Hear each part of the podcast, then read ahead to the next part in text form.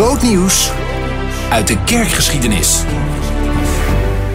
Ja, we zijn uh, in uh, Dokkum, Friesland. Ja, we zitten eigenlijk midden in een woonwijk. Daar is een gigantisch park. Uh, nou ja, het eerste wat je daar ziet is een standbeeld. Maar er rijden ook gewoon auto's voorbij. Daarachter ligt een soort, soort waadplaats, een vijver met een traphekje. Dus daar kun je ook daadwerkelijk in gaan zwemmen.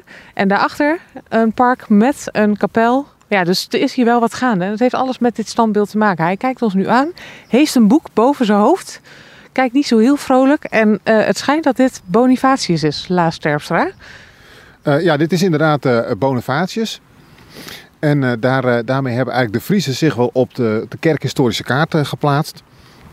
Want hij was hier in de 8e eeuw, in 754, hier ergens in de omgeving van, van Dokkum. En toen is hij door, door toedoen van de Friesen is is die gedood. En het klopt, hij heeft hier een boek uh, boven zijn hoofd. En het verhaal is dat hij zich daarmee beschermde uh, tegen de aanvallen van, uh, van de Friesen. Hij is dus zo belangrijk dat hier zo'n park en zo'n standbeeld is voor de man. wat heeft dat dan betekend? Ja, Bonifatius is, is een hele belangrijke persoon in die middeleeuwen. We moeten ons even voorstellen hoe dat in die tijd ging. Hij kwam uit, uh, uit Engeland, is daar uh, geboren, ging daar naar een klooster, kreeg daar zijn opleiding. En hij bleek gewoon een hele uh, geleerd iemand te zijn. En wat in die tijd heel normaal was, dat, dat monniken van het, vanuit de eilanden, Ierland, Engeland, de Britse eilanden, dat die op een gegeven moment naar het vasteland gingen om, om het evangelie te verspreiden. We moeten ons even voorstellen dat hier in, in wij zijn hier nu in, in het noorden van Friesland.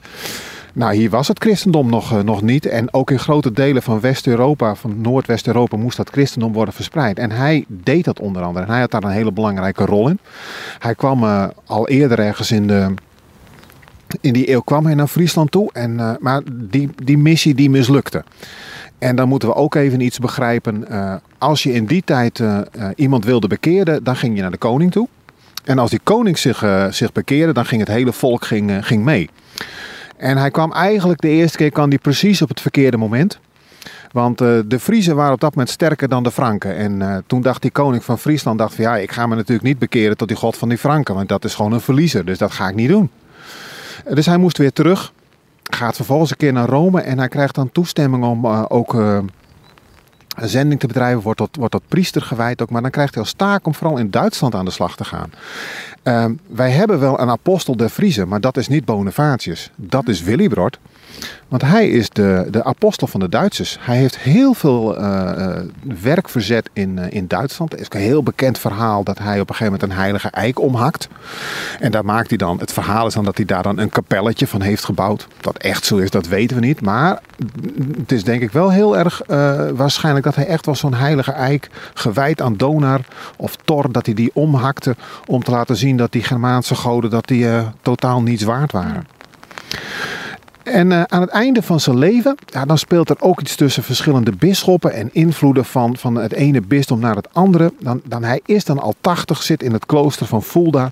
Dan wil hij toch één keer nog terug naar Friesland ook, daar zit allerlei, ook wel wat, een politieke agenda achter. Hij wil vooral dat het bisdom van, van Utrecht hier invloed krijgt. En zodat het christendom zich hier kan ontwikkelen. En, en niet onder invloed kan zijn van, van een ander bisdom dat vooral op geld uit is. En dan trekt hij een laatste keer trekt hij dus naar, uh, trekt hij naar Friesland. En dan is dat, is ergens in het, uh, in het voorjaar, ergens in mei. Het is niet hier. Uh, dus het is heel leuk dat het hier is geplaatst. Maar dat is ergens niet hier geweest. Dat, hmm. er waren hier natuurlijk ook helemaal geen huizen. We zien hier nu van alles en nog wat om ons heen. Dat was hier allemaal helemaal niet. Dit was her en der zullen terpen zijn geweest met daarop huizen. En verder had uh, het water van de Noordzee, nu de Waddenzee, dat kwam binnen. En, en aan een van die riviertjes, de Boorne, uh, daar hadden eerst de Franken ooit al de Friezen uh, verslagen. Dat was ook het grensgebied tussen die Friezen en die Franken. En daar is hij naartoe gegaan. En uh, met, een heel, uh, met heel veel geestelijke, met, met andere monniken, maar ook met, met begeleiders die wel een zwaard mochten droegen. Bonifatius mocht natuurlijk geen zwaard dragen, maar ze hadden wel, wel bewakers om zich heen. En ergens op een vroege ochtend, en men zegt dat dat ergens in, in mei is geweest, 5 mei, komt er een veldslag. We weten eigenlijk niet de precieze aanleiding waarom die Friesen nu hem hebben aangevallen. Maar waarschijnlijk is dat hij is hier naartoe getrokken. Maar hij heeft niet geweten hoe die machtsverhoudingen hier lagen.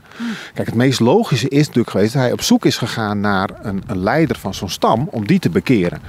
Maar er is iets misgegaan. Dus uh, we weten ook, of we gaan ervan uit dat het op de vroege ochtend geweest is. En dat is wel belangrijk, want dan moet het echt een veldslag zijn geweest. Want dat deden die Friesen. Die gingen in de vroege ochtend ging je met elkaar vechten. Ochtendmensen. Uh, ja. Ik weet niet of dat het beste moment is voor, voor bepaalde gevechten. Maar uh, nou, zij zijn dus aangevallen en zij zijn verslagen. En bij die veldslag is, is Bonifatius om het leven ge, gekomen. En dan later, en er wordt verteld, maar dat, dat is echt wel veel later, dat er een ooggetuige is geweest die dit heeft gezien. Dat die een, een, een oud vrouwtje, maar dat verhaal dateert ergens uit de 10e eeuw, dus het is wel een heel oud vrouwtje geweest.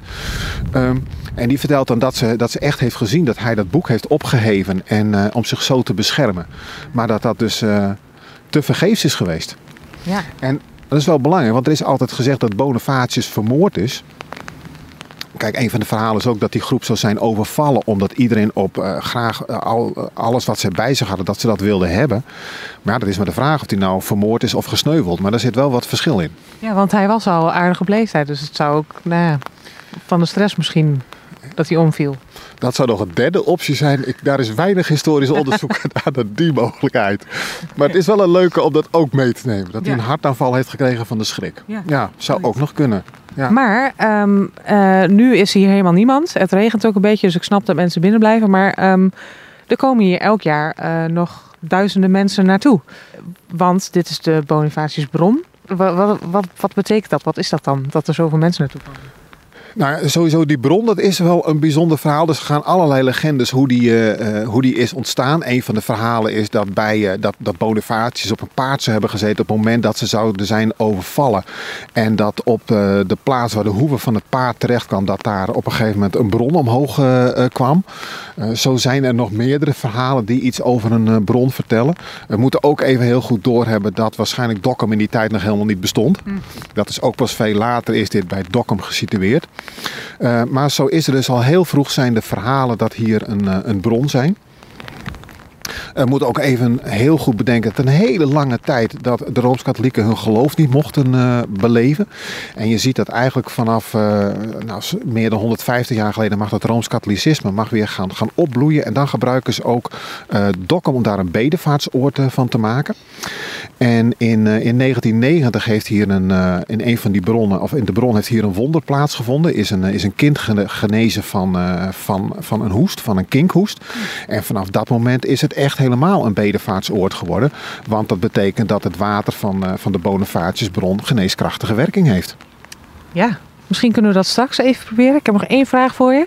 Je vertelt over hoe het vroeger was en hoe dat dan de afgelopen jaren is gegaan met die bron. Maar um, wat uh, kunnen we nog leren van Bonifatius zeg maar nu? Wat, wat hebben we daar nu nog aan?